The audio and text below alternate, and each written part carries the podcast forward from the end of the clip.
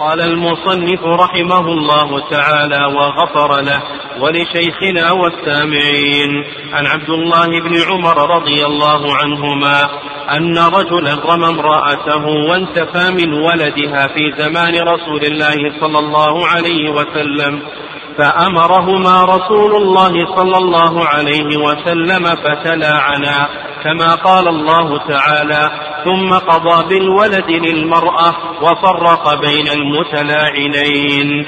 وعن أبي هريرة رضي الله عنه قال جاء رجل من بني فزارة إلى النبي صلى الله عليه وسلم فقال إن امرأتي ولدت غلاما أسود. فقال النبي صلى الله عليه وسلم هل لك إبل؟ قال نعم. فقال فما ألوانها؟ قال حمر قال فهل يكون فيها من أورق؟ قال إن فيها لورقا. قال فأنا أتاها ذلك. قال عسى أن يكون نزعه عرق. قال وهذا عسى أن يكون نزعه عرق. بسم الله الرحمن الرحيم. الحمد لله رب العالمين. والصلاة والسلام على نبينا محمد وعلى آله وصحبه أجمعين. وبعد تقدم حيث ابن عمر رضي الله تعالى عنهما في قصة المتلاعنين وذكرنا ما يتعلق بها من أحكام. وأنه يشترط للعان شروط دل عليها ذلك الحديث وكذلك أيضا في ذلك الحديث ما يتعلق بصفة اللعان وكيفيته.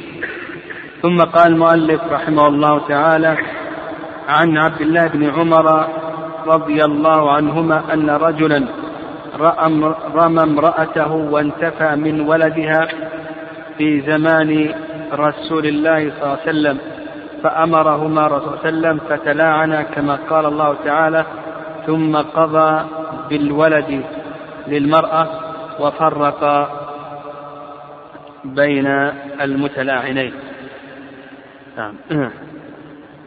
هذا تقدم لكن في هذا الحديث أنه قال أن رجلا رمى امرأته وانتفى من ولدها في زمان رسول الله صلى الله عليه وسلم. الأصل كما سيأتينا إن شاء الله في حديث أبي هريرة الأصل أن الولد للفراش وأنه لا يجوز لصاحب الفراش أن ينتفي من الولد. وسيأتي حديث أبي هريرة رضي الله تعالى عنه.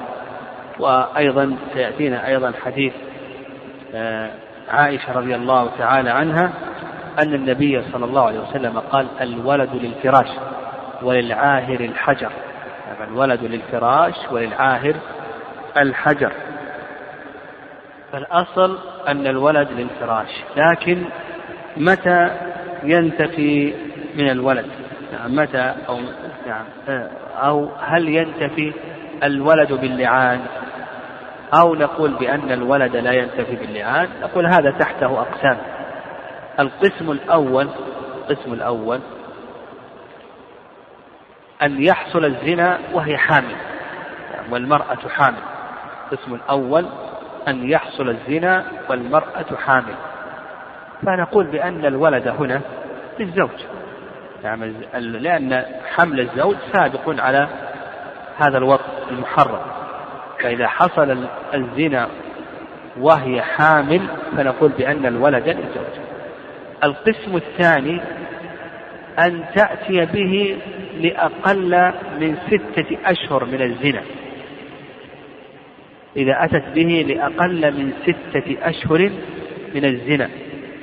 ها؟ الولد يكون لمن؟ للزوج. لأنه قطعا مثلا زنت في محرم ثم أتت به في ربيع الأول. قطعا أن الولد كان موجود قبل محرم. لأن أقل مدة الحمل كم؟ ستة أشهر. ما يمكن أن تزني في محرم وتلد في ربيع. ما يمكن هذا. أقل مدة الحمل ستة أشهر. فإذا أتت به لأقل من ستة أشهر من حين الزنا فنقول بأن الولد للزوج. القسم الثالث أن يستبرئها الزوج أن يستبرئها الزوج ثم بعد ذلك تزني وتأتي بولد. فهنا الولد ينتفي باللعان لأنه يظهر والله أعلم أنه من الزنا لأنه استبرأه. يعني مثلا هذا الرجل حاضت زوجته ولم يطأ بعد الحيض بعد أن حاضت لم يحصل منه وطء حتى زنت. ثم بعد ذلك حملت وأنجبت ولدا إلى آخره. هذا الولد نقول بأنه ينتفي باللعان لأن كون كونه يستبرئها إلى آخره ثم ذلك تأتي بولد وقد استبرأها الزوج. ما وطئها بعد أن حاضت يعني الحيض علامة على عدم الحمل والإمام أحمد رحمه الله إنما تعرف النساء الحمل بالحيض. طيب القسم الرابع والأخير إنما القسم الرابع والأخير ألا يستبرئها وإنما وطئ بعد الحيض بعد أن طهرت وطئها الزوج والزاني وطئ وطئ الزوج وطئ والزاني وطئ. فهذا موضع خلاف بينهم. قال ابن القيم رحمه الله إن نفاه الزوج في اللعان فإنه ينتفي وإن لم ينته فإنه لا ينتفي. فلو أنه شهد على زوجته أربع سنين قال أشهد بالله لقد زنت زوجتي هذه وأن هذا الولد ليس مني فإنه ينتفي. وإن لم ينته ها فإنه لا ينتفي لأن الأصل أن الولد الفراش فتلخص لنا نعم هذه الأقسام الأربعة. قال المؤلف قال ثم قضى بالولد قال وانتفى من ولدها. تقدم متى يكون الولد للزاني ومتى لا يكون للزاني وتكون للزوج ومتى ينتفي وينفى عنه إلى آخره. قال فأمرها فأمر السلم فتلاعن كما قال الله تعالى ثم قضى بالولد للمرأة وفرق بين المتلاعنين. نعم الولد يلحق بأمه. نعم يلحق بأمه وينتفي نسبه من أبيه. نسبه ينتفي من أبيه ويلحق بأمه. و نعم وقوله وفرق بين المتلاعنين. يعني فرق بين المتلاعنين تقدم الكلام على هذه المسألة وأن الفرقة فرقة أبدية. الفرقة فرقة أبدية. لقول النبي صلى الله عليه وسلم لا سبيل لك عليها. وفي البيهقي وغيره فقضى رسول الله صلى الله عليه وسلم ألا يجتمعان أبدا. وذكرنا أن سعيد بن المسيب وكذلك أيضا أبو حنيفة رحمه الله أنهما قال إذا أكذب نفسه فهو خاطب الخطاب لو أنه أكذب نفسه فله أن يخطبها وأن يتزوجها. لكن الصواب في ذلك أنها محرمة عليه إلى الأبد. نعم. قال عن أبي هريرة رضي الله عنه قال جاء رجل من بني فزارة. هذا الرجل اسمه ضمضم بن قتادة. اسمه ضمضم بن قتادة. جاء رجل من بني فزارة. فزارة قبيلة.